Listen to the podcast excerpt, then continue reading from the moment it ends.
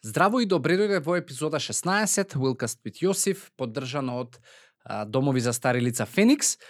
А, денеска а, гостин е Елена Бубало, а, до тамна е договорена, но никако да ја реализираме, затоа што а, поради а, распоредот динамичен и тензичен кој што и двајцата го имаме, но еве конечно се случи.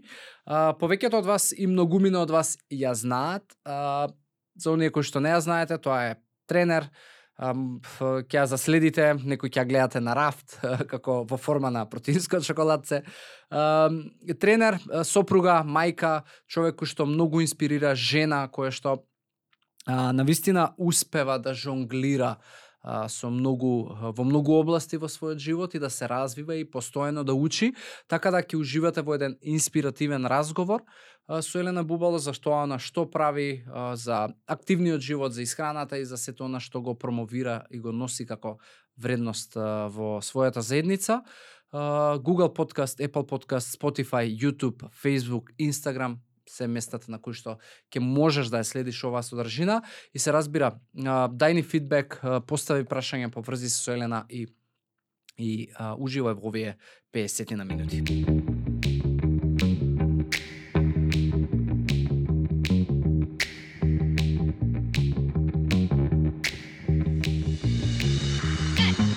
Епа, драга Елена, почитувана. Добре дојде, еве, конечно, од кога се договараме на, на да, подкаст, Wellcast uh, with Јосиф. Фала ти што ја прифати поканата, знам дека дамна прифатена, ама Знам дека и динамиката Секогаш. твоја на живење и на работење е доста интензивна и еве конечно пред новогодишно најдовме време да да го снимиме. Секогаш со задоволство, нико не сме да каже дека сум рекла никогаш не. Не, не, апсолутно неам за тоа. Неам. со задоволство, само да се погодиме да се видиме и да зборуваме. Имаме да. што да зборуваме. А, ја не верувам дека некој од заедницава нема да те знае, али знаеш да не бидеме его трипови така. и да еве чисто некој прв пат ако а, гледа или се запознава со со Елена Бубало, а, чисто на кратко еве да ја запознаеш заедницава, кој е Елена, што прави, кај може да те најдат, што можеш да им помогнеш? Да. А, вака, јас сум групен и веќе повеќе групен, многу да. малку персонален, немам индивидуализирано групен да. една на на стори нели да, да, вежбачка да, да, ти пиша. Тренер па вика не знам, секо секо секоја година викам 13 години, 13 години, фирмам поминале веќе и повеќе од тоа. Дипломиран сум биохемиски инженер прво, ама не се пронајдов многу во тоа. Све во рок не дека бев лош mm. студент, ама некако работата и се меѓувреме почнав со вежбање и слично и после тоа се завршив ДИВ во Белград таму има као специализација посебно на факултетот што е многу добро за некој ако го интересира и сака во Кој... малце повеќе да научи, а да му се даде за тоа што таква можност нема кај нас, односно мора да завршиме 4 години, а за тоа да станеме професор по физичка култура. Јас не сум професор по физичка култура, меѓутоа сум едуциран тренер за тоа што го што го правам. И патам нели многу семинари, полагања, исхрани и чуда, нели за да се дојде до ова, да сега нели си имам некоја своја програма што ја крстив тоа што Total Body Workout и не знам дали е тоа името се вака ако размислам а, подетално и ако се навратам на тоа. 15 години мислам дека веќе помина, А, се наоѓаме моментално на две локации, групните тренинзидните се во Лисиче во, во сала, каде што е кросфит заедно со на сопруготата нас тренинзите. И сега отворивме нова сала во Карфош 1. Нема три дена, да, млада сала каде што ќе биде специализирана само за за женски фитнес, односно исто. Групни часови, во меѓувреме работиме платформа каде што хилти ми, каде што може кој кога сака и како тоа ми беше нешто ново што неќе воопшто да го прифатам, а ми наложи публиката да го да го прифатам.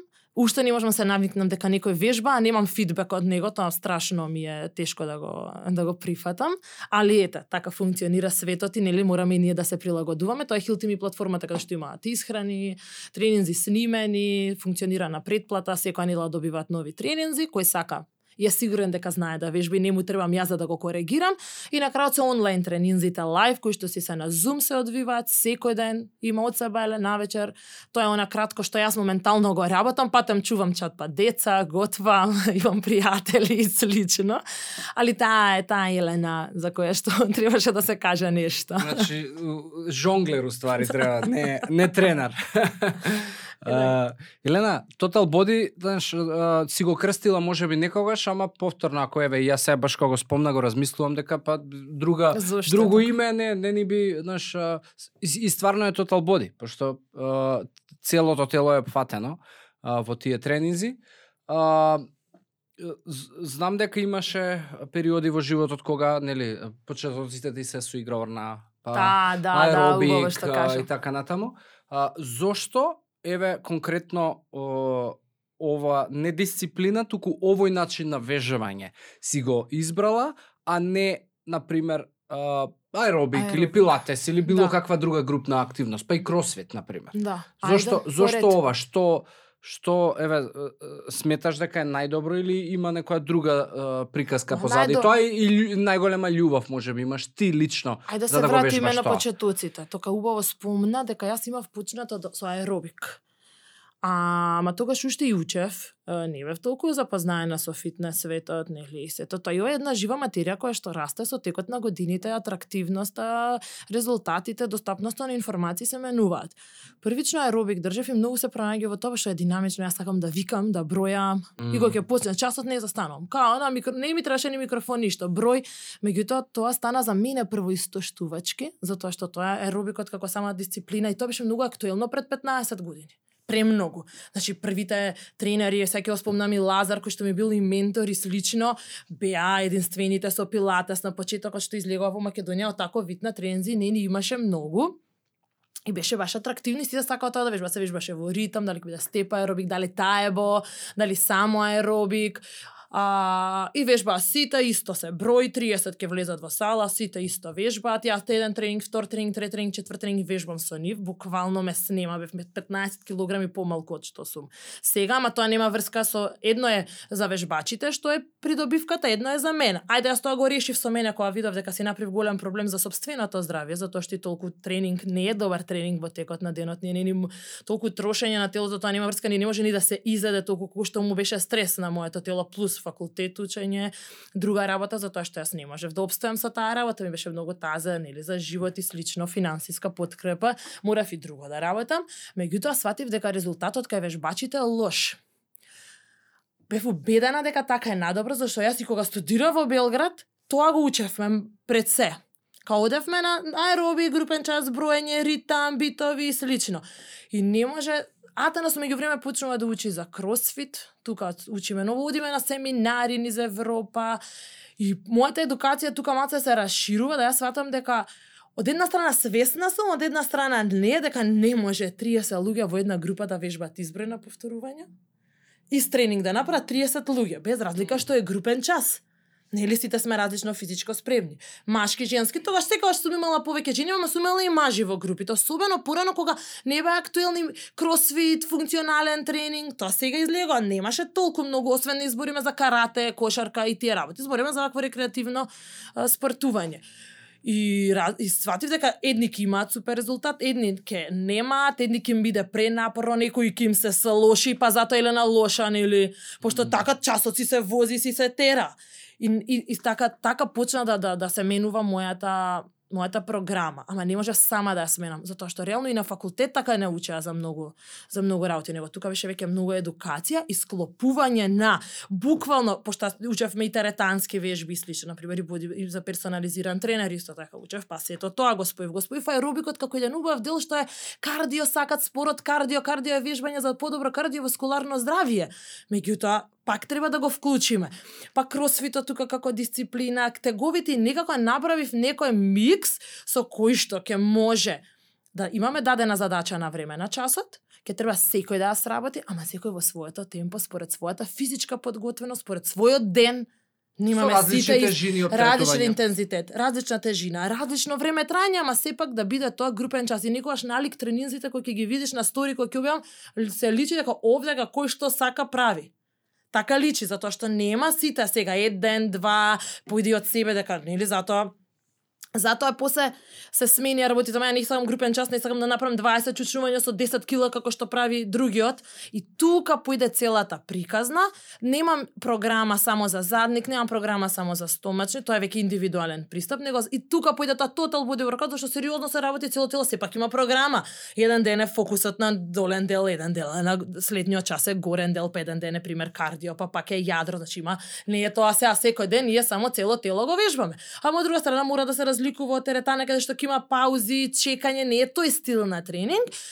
И така излеза некако целата. Пак активно не се вежба еден сат. Тоа имаш загривање, имаш опрема, имаш техника поминување, па 35 минути некаде е активно тоа вежбање во во еден час. Не знам, се надевам дека ме ме ја разбра поентата Да. како како дојде целото тоа затоа што и сега сакам тоа да го пренесам и не сум против аеробикот. Напротив, Не, не. не, знам Треба да не. знаеме што сакаме да постигнеме. Зашто има ден денеска некој што сериозно нема воопшто ни гајлес што ќе постигне, едноставно сака да дојде таков напорен ден има и тоа дека он не треба да брои, не треба да се замара, ќе отиде ќе си се изрипа еден сат и тоа е супер. Само треба да знаеме што сакаме. И така да си одбереме што да вежбаме и дека нема најдобра програма, нема најдобар тренинг, тоа е конекција помеѓу не си одговараме сите. Тренерот е интимност како и докторот. Да. Така, нели интимност е, треба да си одговараме, треба да ја знае проблематиката, да ми го знае карактерот. Не е проблем ако не си одговараме и не значи дека тоа Јосиф не е добар клиент или дека Елена е лош тренер. Не би требало така да ги делиме мине едноставно таа енергија, тој вид на тренинг не ми одговара, затоа ќе одам и друго и друго ќе ќе вежбам. Затоа нема најдобра, ма јас во ова пробав да да имам најдобри резултати со сите. Ти да имаш со цела група резултат, значи треба да погодиш групна и индивидуална да биде да биде програмата, да ги задржиш луѓето подолг период, да останат со тебе затоа што гледаат прогрес. Така гледаш дали треба да менуваш или не, ако ти се губат луѓето, тоа е со групните часови.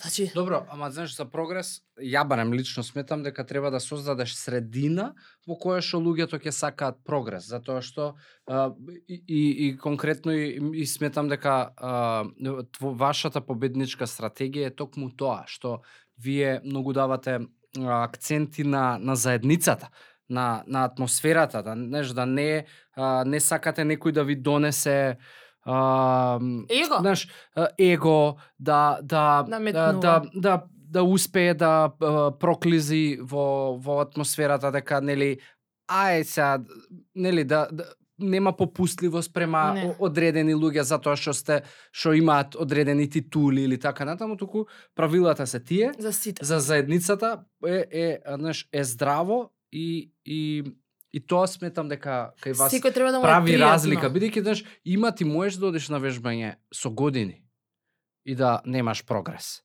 Затоа што има и луѓе кои што не ги интересира прогрес, повеќе ги интересира да чекираат лично за себе, да не чувствуваат, нели, грижа на А и тоа не совест. е лошо. дека- да се да. дојде тамо да се испоти за енергија, за убави хормони, не му цакању резултат, не се замара. Да, и тоа може и често затоа се шокирани луѓето кои ќе доаат кај тебе дека као и- ако дојде да правиш нешто, ако дојде да се појавиш на вежбање за да се нели од дома да те снема, онда не Да. е за тебе. Па да, сакам Али ја- и е заразно. Знаеш, кога ќе доеш па усредина, дури и да не си бил спремен за такво нешто, ако ако не енергија. се скршиш у првите недела дена, најверојатно ќе се заразиш со таа енергија да, знаеш, да сакаш едноставно гледаш дека еден куп луѓе десетици околу тебе во групата го прават и ќе да те ќе го посакаш тоа. и ти. Да, да, енергијата е таа природна елиминација. Тие што ги спомна што влегуваат, може они да не се пронајдат, ќе ќе пробаат да се наметнат. Ама ако не си отидат сами, ние им кажуваме дека не им е местото тука. Мм. Никој не сме да го наруши часот на некој што дошол тука денеска и И му е пријатно. Не. Значи сите ние имаме своји проблеми, сите можеме да си се докажуваме на друго место, тука не. Не е дојде некој да трпи некоја лична фрустрација. И тоа не го дозволуваме ни за ниедни пари на светот и за ниедна членарина и не знам и кои и кои да. И тоа многу добро го знаат, затоа дел никош не ни пробале искрено да дојдат да да вежбат затоа што се знае која е атмосферата. Секое време треба да се цени. Јас на секој еден што дошол, треба еден сат да дојде, треба еден сат да извежба, еден сат да си отиде. Тоа е скапоцено време и јас го ценам дека го одбрале да го направат тој да дојдат. Со нас, со мене, неважно, со нашите сега колеги кои што ги што ги имаме во тимот и треба да се цени и треба на секој ден да му е пријатно. И секој еден нешто ако слушнам лошо, буквално сум како наставничка. Мене многу ми значи пошто мора да се ставиме на нивно место, еве ти да се ставиш, нели? Да тебе да ти е така и да ти е неубаво заради нечија фрустрација. Без разлика што те плаќа, не те поседува, не ти одговара само едноставно атмосфера. Немој да ја нарушуваш таа, зашто одвај чекаат да дојдат и да се извежбат. И мора да има убава атмосфера, секад ќе има нов, секад ќе има покрупен, секад ќе има слаб ногу, секад ќе има некој незадоволен лично. Тој треба само да се осети дека тука му е убаво, да го заборави тоа и после месец, два, три да си рече да јас имам тука резултат, го постигнав тоа што го сакам или ако ништо друго, се чувствувам безбедно. Како на децата, така и на возрастните ни треба безбедна околина во која што ќе Да, вежбаме. да, за тоа. Растеме и се развиваме како личности, тоа нема крај. Да, и баш и мислам и затоа спомнав дека сметам дека средината која што вие ја креирате е победничката стратегија, бидејќи атмосферата создава да човек посака прогрес и е, и, е, и дозволува прогрес. Знаеш, расчистено е од од а, многу троскот. Нема да, да, да, да, мучуриште. тоа вака од надвор кога го гледаш можда. Ја не можам се тие работи да ги видам. Да, пошто си секој ден во да, машината. јас сум таа, у тој Да. балон, тоа преска го зборам. И Мене не знаеш за балон. поразлично. Не, ти не мене ми е се поразлично. супер, сите вежбат. Мене ако ме прашаш, сите вежбат. Јас само со тие луѓе сум И- обколена. И си до и, и сте достапни и надвор од сала. Да. Што е многу важно. Знаеш, Па да, не троши тука има и други да. и други додадени вредности. Види, а што е друго смислата? Ако ако нема, знаеш, Личен контакт. па да. Сакаат. А и треба. Мислам, тоа е научено на факултет. Прво од правилата кој сега памтам од една од прво од Па предавањата. луѓе се, не се врзува за шипка, за човек се врзува за Да, и кога за ни рекоа, едно што мора да се научите е дека секое име треба да го знаете и на не му се обраќаш со дечко, него со. Јосиф. Значи, првата работа. И важно е тоа, сваќаш која е психологија на луѓето што јас не знам. Не знам да зборувам за психологија, можам само од искуството да кажам са некој да седне и да ме прашува, али не сум учител за тоа. Ама тоа многу влијае. Премногу јас се осеќам и кога ќе ме сменат некојаш и ќе пишат леле ми фалеше да ми викне некој еле името да ми го спомне. Пошто не пример ќе викнеме замена, не ги знаат и минјата ау денеска топ тренингот се е супер, ама фалеше некој да викне Магдалена. А, Као далеку да ја викне. Колку тоа нив им значи е важно. Ја не намерно тоа им го им го приуштаме во целиот Да. да. систем. индивидуализацијата. Да, да, па да, тоа. Да, е, сега, види, следново прашање ми е исто. А, да, знам дека веќе не, ама работеше и со персоналци, еден на еден. Да. И а, зошто не би избрала еден на еден, а го избираш групниот начин? на- Сега сега ради време можам да кажам повеќе. Па добро, можеш да ме- речеш, слушај, нема групи веќе, само еден на еден работам, Ама, ама не избираш. Не, не го одбирам тоа. Многу ме исполнува оваа работа со групни часова и некако имам влезано во сршта. Значи јас можам денеска со 40 луѓе буквално сама да се знајдам и не знам нескромно да кажам дека ќе направам идеален а, тренинг што еви финансиски ако го гледаме од аспект тој сат са реалност како ќе ми биде мене подобар него колку ќе наплатам за еден персонален тренинг. Еве веќе ако гледаме и од финансиски, нели, аспект, мора сите работи да ги гледаме. Друго бара многу повеќе посветување. Персоналниот тренинг не е само да дадеш тренинг, најмалку е тренингот, тоа е процес, тоа е следење, тоа се мерење, они сакаат поголем разговор, со состаноци, често гледање. Јас за тоа веќе немам време, не знам и нерви дали имам сега со сето тоа. Значи, прогрес е, прогрес ми е во работата, порано и во тоа многу уживав. Едноставно сега, им, ем немам време, кога инсистираат со мојот тим да прават, ги даваме, еве Стефанија, например, многу држи персонални тренинзи. Нас, Аха. да, значи, кој инсистира, сакам твојата програма готова, јас со Стефи седнуваме, правиме план и у нас ја прави целата Но програма. незиниот карактер може би повеќе одговара. Да, одговара на еден. потрпелива е и се Аха. има и време и слично. Јас или треба во текот на денот да си скратам од децата уживањето што ми е зашто толку е се сатите во денот да го направам тоа веќе едноставно само сум пренасочена на ова и нема негативно позитивно и ова само нешто што ми текна на искрено секогаш од срце одговарам. Ете тоа е нешто што може да го издвојам, ама и во тоа сум уживала. Сега помалку сати сакам да работам. Ако имам персонални, работам повеќе сати плюс во денот зашто нема. Тоа е еден сат, е еден сат, е еден сат, ета тет. Не ги правам ја двајца во еден во еден Така сат. Така. Па да викаме дека е персонален тренинг. А, ги спомна и децата. Да. А, и беше едно, сега се две. а, како како е можно, тоест можно е, пошто очигледно е можно, го правиш, али а, додека немаше деца, имаше помалку групи, помалку работа, помалку пари, помалку ангажмани од страна, затоа што твоите мислам ангажмани не се само тренинзите, тука Не. и хил тими, и снимања и секакви соработки со компании и така натаму, и на Инстаграм си активна. Како а, тогаш помалку беше продуктивна а, а, без деца, а сега со две деца а, успеваш да го а, изжонглираш а, целото Да, време е и да тоа. успееш и утрински, и попладневни, и сега и у две сали, и онлайн платформа, и и соработки, колаборации, и сопруг. Вака како ви кажуваш да све јас, све јас ова го правам.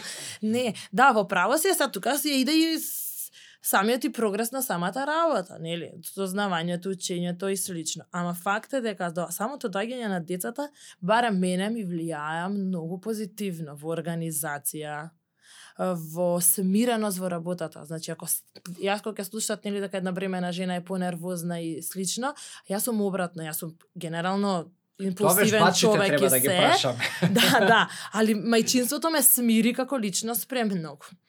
У кој смисол да, фокусот- да станеш потрпелива? Па потрпелив. Аха. Да. А, да се посветам повеќе на работата и планот. Поорганизиран си. Ја не знам како тоа само доаѓам, тоа нема дефиниција за некои работи, како има инстинктот мајчински, слично нема дефиниција ти како доаѓа тие деца на свет. Ти по дефолт си поорганизиран човек. Барем така мислам јас. Види, Мене тоа ми го донесе. По дефиниција викаат па, позафатен човек е попродуктивен и има поише време. Има море да од тогаш ја до тогаш ник календар. Каков календар? Све си се памтиш, си правиш, бе тренинг сум памтела. Буквално денес кога го знам тренингот на памет што треба да го направам.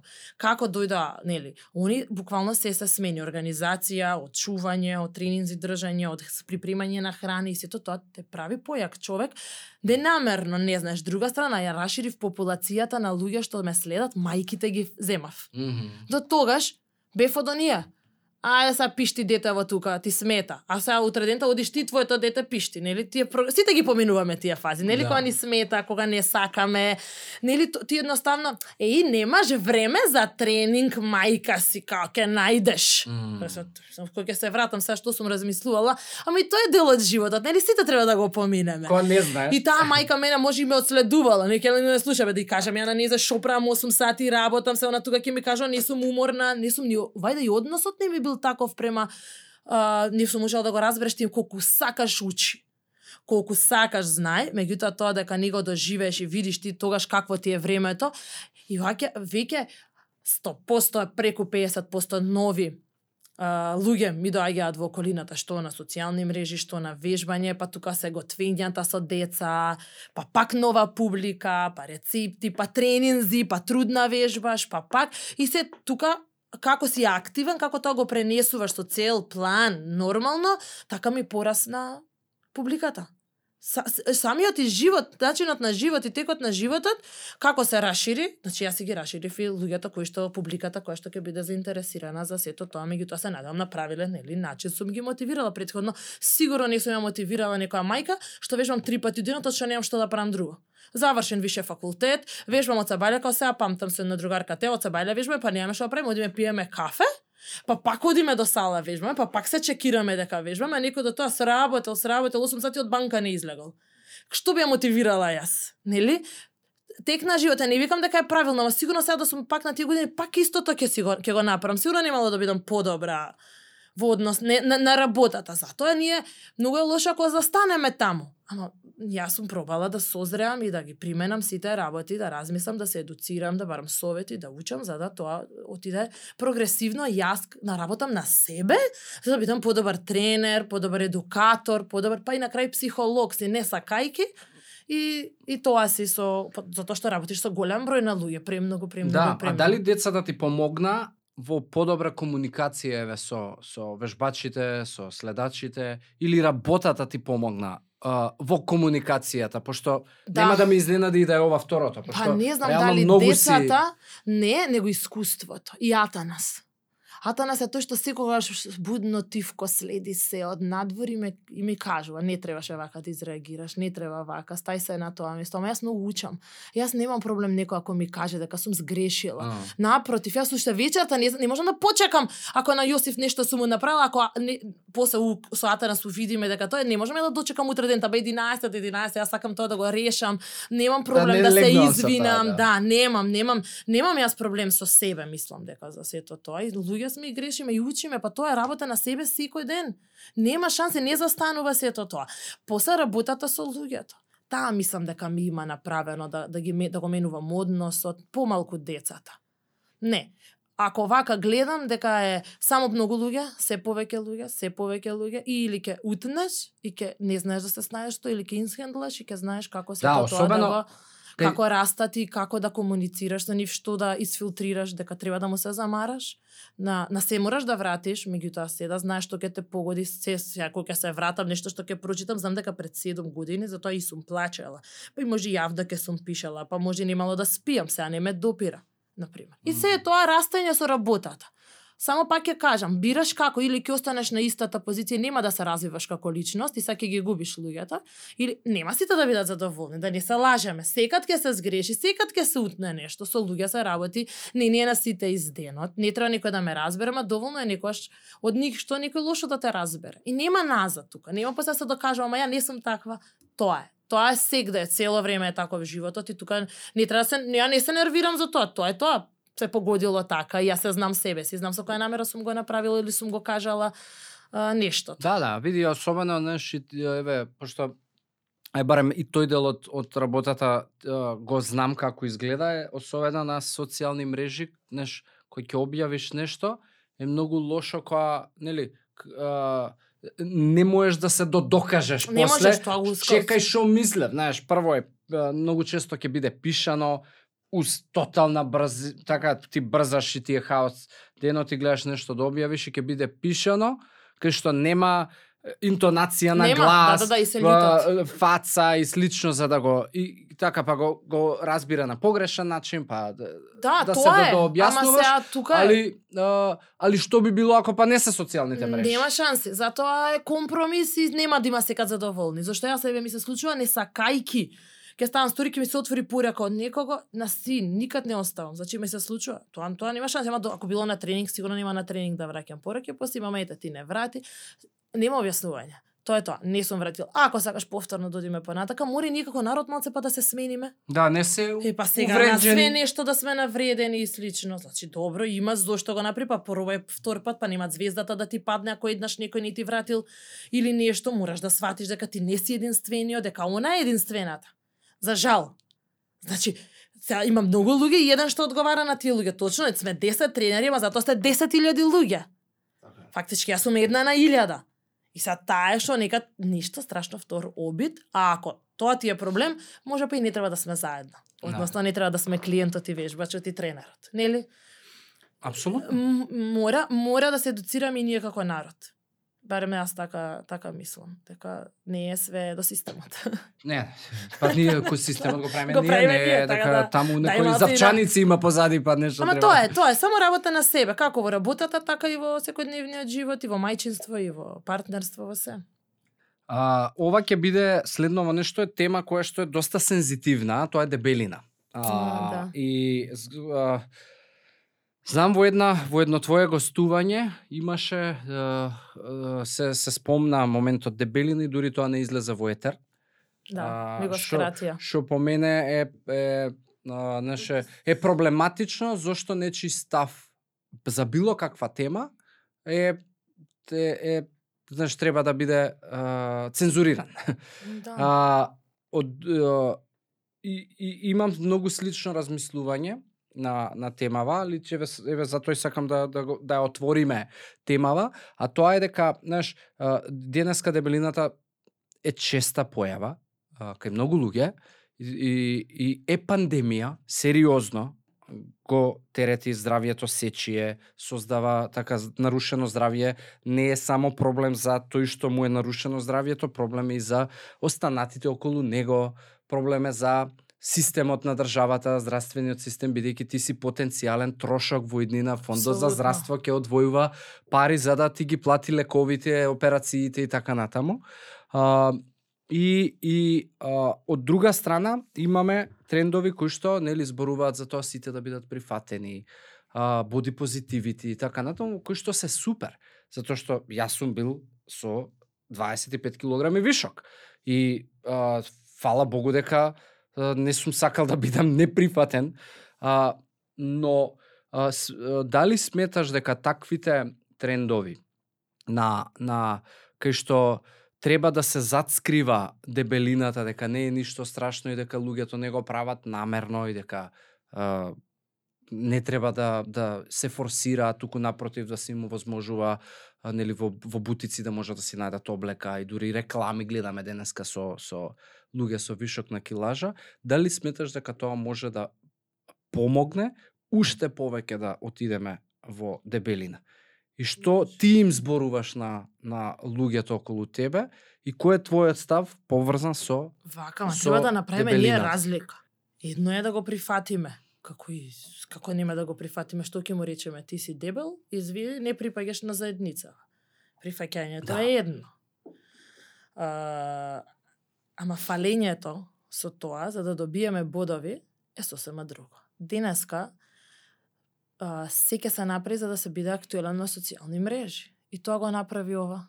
Само заради тоа. Секој сака да биде да добие шерови, да добие views и како и се тоа се да се да се вика не, не, не ги знам скроз тие работи, се гледа и по мојот профил дека не, не, не знам толку тоа у тренд, ја тоа што мислам тоа го да остава не дека тоа е модерно или треба у толку у толку и толку сат да, да, се да стави. не го објавуваш па, за да не можам за да и се допадне на публиката, Тоа што го тоа мислам, веруваш. на некој ќе му се допадне, на некој на некој нема, нема да му се допадне. И сега тука сме заглавени ние. Дека тоа го правиме и го прикажуваме дека дека е добро и го пренесуваме на младите. Јас не можам со не знам сега понекогаш ти велам па дали треба да дискутираме да дискутираме за ова зашто ние пред да збориме за дебелина, ние збориме за здравје. Јас секогаш им кажувам, пред да ми кажувате ми е мене дека не ќе да се гледате во 42 фарберки, што и да значи тој конфекциски број, не знам. Ама често 42, 44 сум не можам да се гледам. Дали вие разбирате дека пред да се здебелиме надвор дека нешто се случува на внатре со нашите внатрешни органи? Дека ние како тоа внатре што е внатре е се оке, ама ние само надвор не изгледаме добро. Ја тоа сметам дека е супер алатка за да му навлеземе на некој во мозокот за да малце го потикнеме некако да размислуваме, чекај, па што се тоа висцерални масти, па чекај, што е тоа задебелување на органите, па што е тоа после дисфункција на органите, што значи намалена функција на органите, тоа значи здравје. Не може никој да ми каже дека до, да ми се дека дојдовме до време каде што на плажа во 21 век мајките се позгодни од своите девојчиња. Тоа е тажно. Тоа е жално. Мислам, јас го гледам, јас го гледам од своето собствено дете, едно е женско, едно е машко, жените со хормоните, нели, и сето тоа си имаме природен поголем проблем. Јас го гледам тоа и од Зој, Значи се плашам уште сега, реално кој сака нека ми каже дека се оптеретувам и дека тоа не е нормално, кој ќе ги сноси после последиците. На сето тоа. Значи дај да почнеме од здравје. И не може никој да ми каже дека сега ние треба тоа да го одобриме дека е нормално да биде така. Сега ние така тоа уствари се промовира.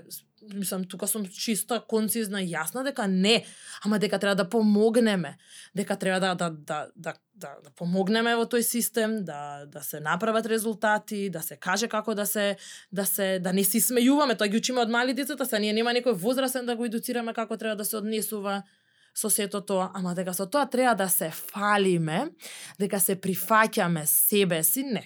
Само со тоа што јавно сме кажа, ние си го задоволуваме она собственото како како проблем што го имаме. Празнина. Некоја си, предпоставувам. И јас се работам со такви луѓе и немаме никаков проблем и не е кој само ќе се прифати во таква ситуација, не. Значи не е само прифаќање изгледот. Каков изглед, што зборуваме тука за изглед, секој си за знае за себе за изглед, никад ништо не сум дискутирал зашто јас никад не сум имала идеален изглед ако е за така како што очекувала публиката или сум очекувала јас. Јас снимам ден денеска видеа на платформата каде што ми виси кожа, каде што никад не облеков. Ако ми е топло во кроп топ сум, виси кожа, диастаз, лом сум, на пример, видеата одат во етер и не се замарам, таа сум јас. Значи, дродила две деца, максимум пробам со исхраната да направам, ако ти се допаѓам добро, ако не, апсолутно не ме галя. Ничие нема да задоволам друго мислење за тоа како а, јас изгледам. И тука е така, зошто ја да се замарам или да го давам на, на пиедестал изгледот дека тоа е битното и тоа да го да биде позитивност, а не да да зборуваме. Јас тука за здравието би зборувала. Колку е загрозено здравието во таа ситуација, дека ние за здравието затоа ги правиме навиките кај децата за да не дојде до таа ситуација. Не забрануваме, него учиме, правиме навики, навики, не забрани, забрани, забрани, него градиме добри, добри навики за да не дојде до до сето до сето тоа.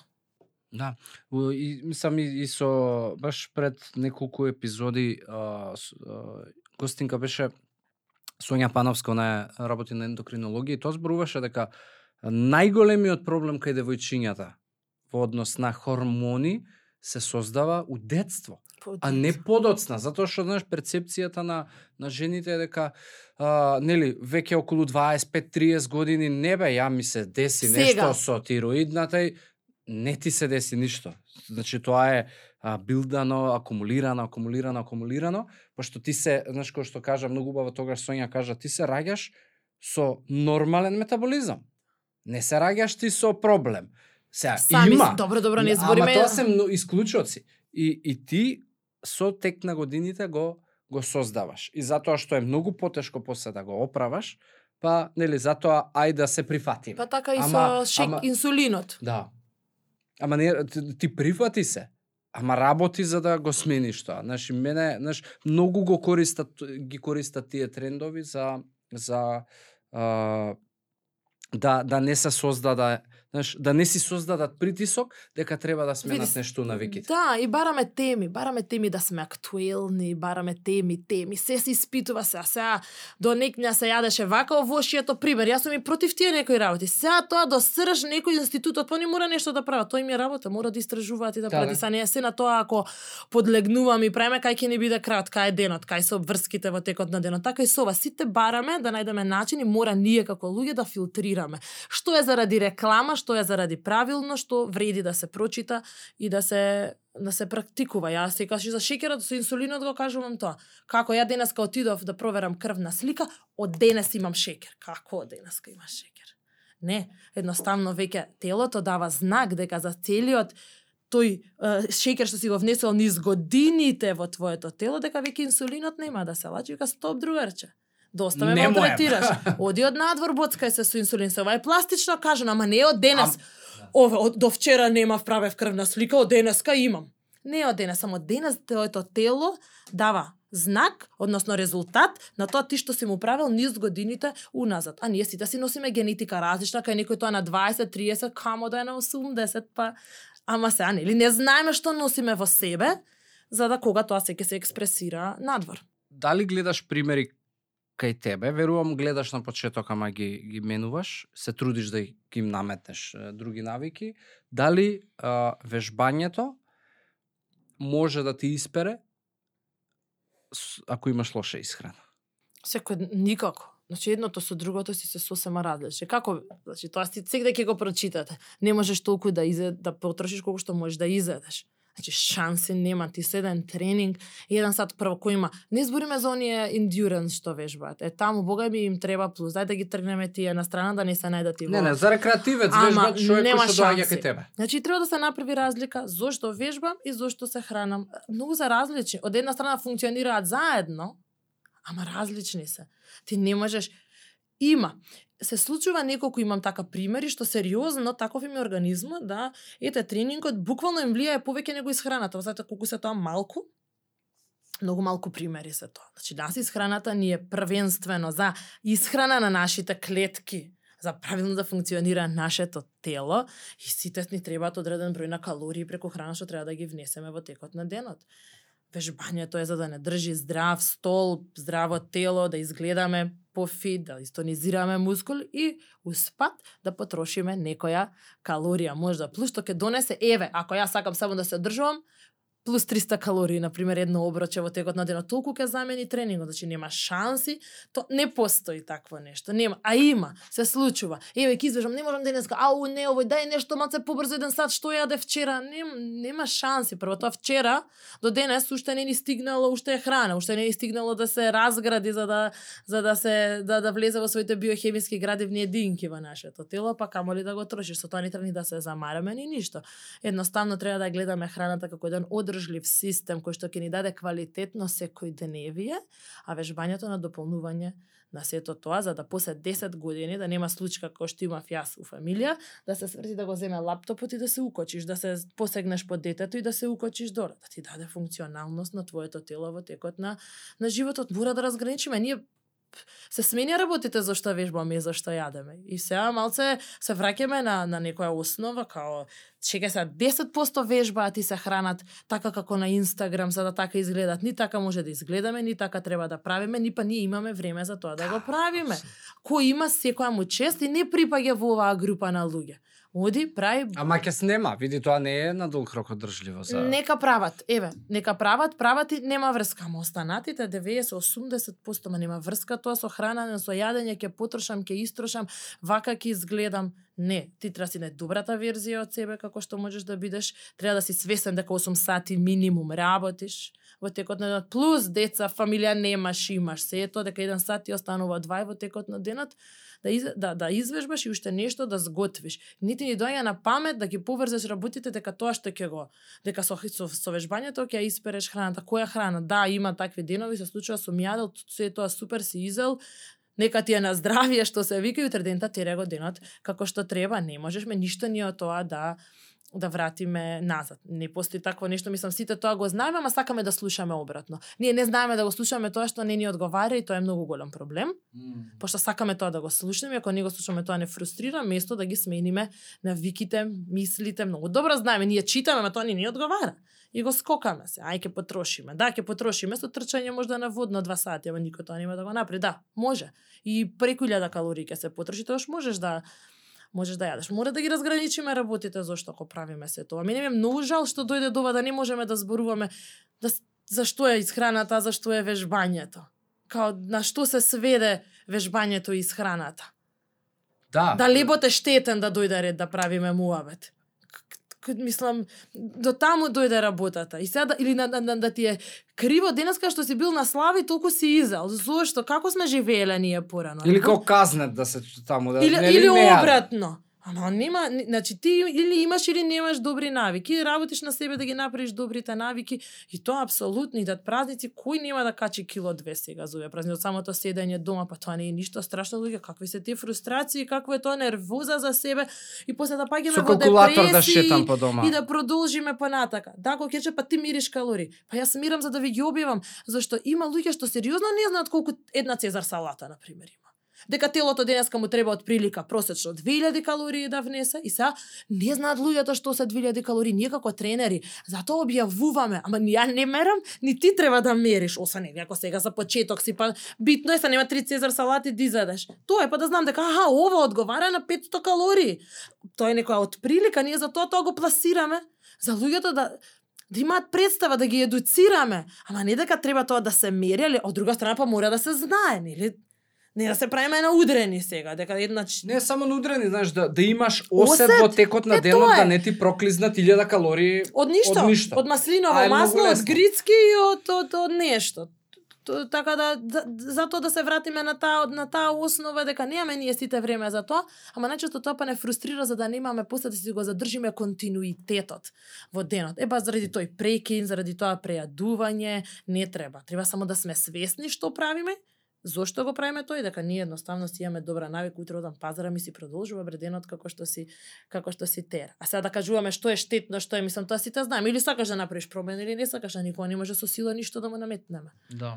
А, вакво твојот ден успеваш да го организираш на, со при подготовка на храна да. предходен ден, да. јадеш надвор? Да, ама поредко.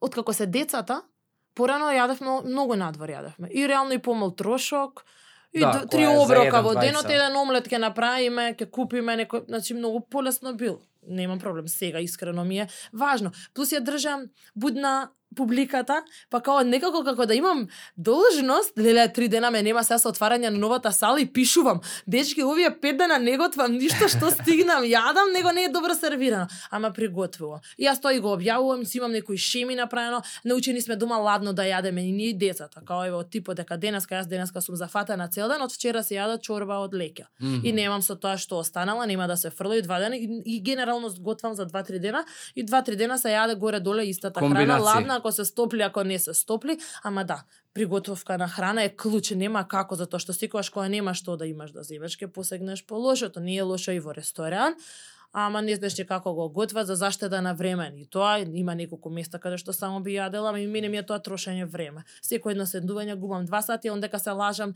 се се жалам себе си дека немам време книга да прочитам стручна литература, а имам два сати време, пошто седиш тоа па кафето, па е доседи, па на телефона танга танга танга и два сати ми поминале. А онда ќе дом леле, хака нас па немам време, ета книга на ја отвори в курсо, не да уште ми стои што го поминувам, го учам, сега за тоа немам време, а имам два сати, као. И тука си работам пак на будноста, на свесноста зашто го трошам времето и Ама готвиме, многу готвам и сакам дома и сакам свежо приготвено и знам што сум што сум ставила. Никош што не може да е 100% добро, ама е секако подобро него од надвор. Апсолутно. А на, на вакво знам дека и предавањата се уште ги правите? Да. За исхрана? Да. Па клучот е.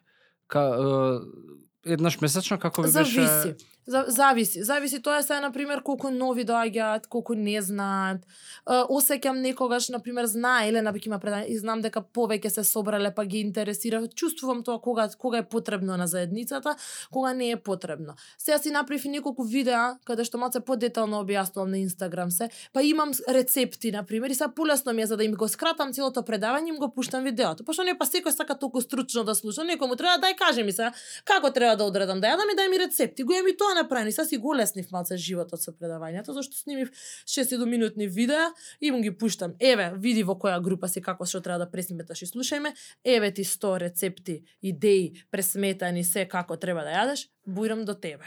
На сите вежбачи им е достапна сите, сите. платформава Хилтими со рецепти? Сите и на вежбачите и на тие што си се на самата платформа. Значи секој што ќе дое без разлика од кој вид на тренинг вежба, дали е сала, една сала, друга сала, онлайн или платформа, исхрана исхраната е добива. Тоа сега е последните години од како јас направив некоја Исхраната база. во смисла им правиш им праќаш некаков PDF или не добива пристап до Пристапи, до содржините? може и така и така, како сака, на кој како му е полесно. Некој не сака да се замара со платформата, Мгм. као му е ту complicated или не, едноставно имам и PDF. Кој сака, што сака си си добива, зашто ги делиме па на два за две различни групи. Некој само сака да се стави во ред. Едноставно само да да си го смени начинот на исхрана, не му не му не, му, не го интересира калории, волку него е на како би требало па еве три оброци главни да имаш една две ужинки, супер ми е PDF-от, има премногу листаци, си прават цела фамилија, се јада и се супер задоволни. Има некои малце повеќе што сакаат и се на платформата пошто компјутери компјутер и се тоа полесно со срчеви, со пресметано нели и слично,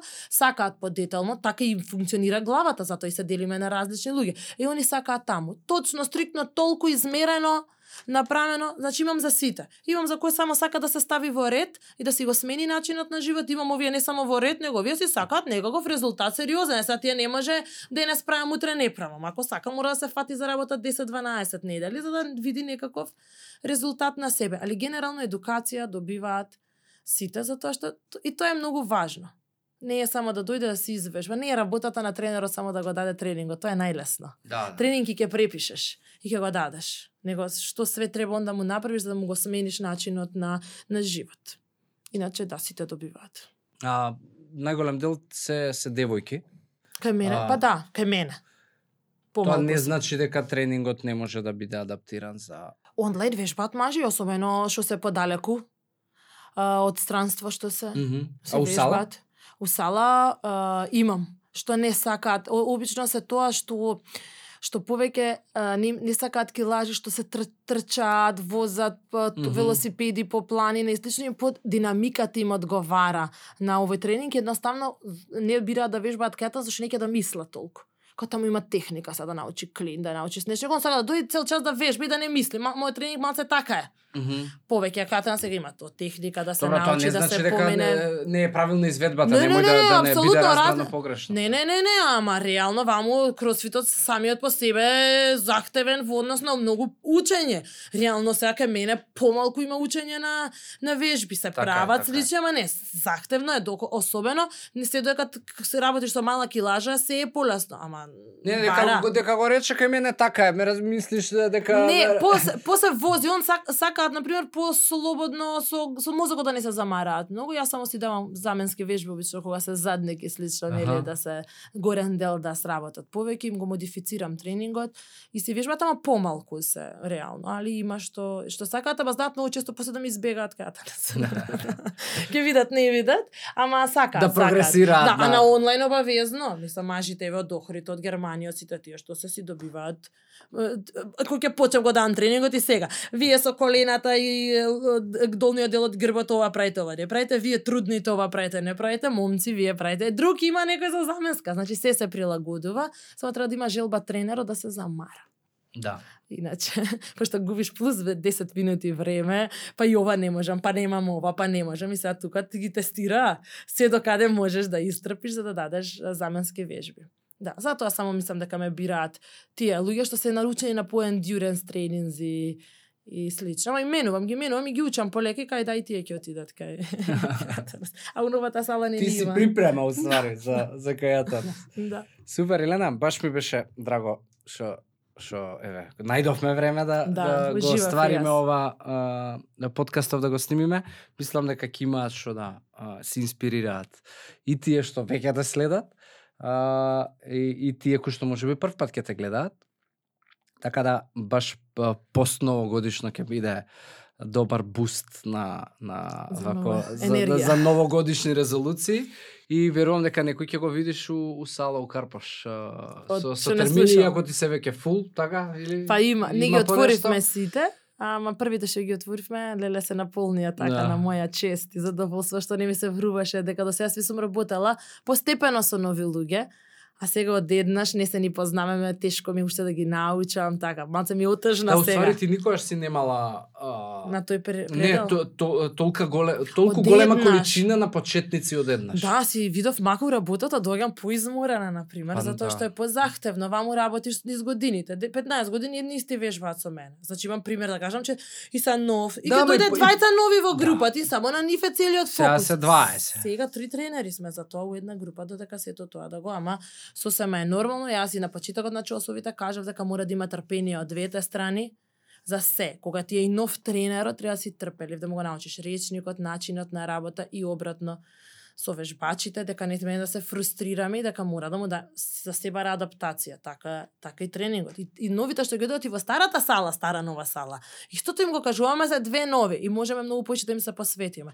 Ама мислам дека брзо ќе застанеме така по посигурни на на нозе, па ја да видам малце поголем зорт и мене ми е предизвик. Така е. Предизвик ми е. Мислам, онака одам и го мислам и сум надвор од комфорт зона што можда и ми фалеше пак за некаков си дополнителен раст и развој во, во работата. Многу уживав и јас, супер. Да. Ми дојде муабетов и си се Супер. Фала ти прашањата. празници да си имате а, и така и ние Да се пак видиме се, пак. се гледаме не да, се редовно. во тебе и твоите прашања, така да ќе најдеш нешто да ме викнеш пак. Ново, да. Јас ќе дојам да избегам од дома, пошто ми прија вака. Супер. Фала ти. Фала и на тебе.